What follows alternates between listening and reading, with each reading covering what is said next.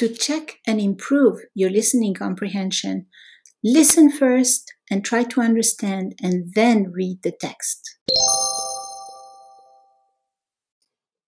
أهلا أصدقائي، أريد أن أخبركم اليوم أنني سأبدأ غدا صباحا سلسلة جديدة اسمها مدخل إلى الحروف العربية وأصواتها.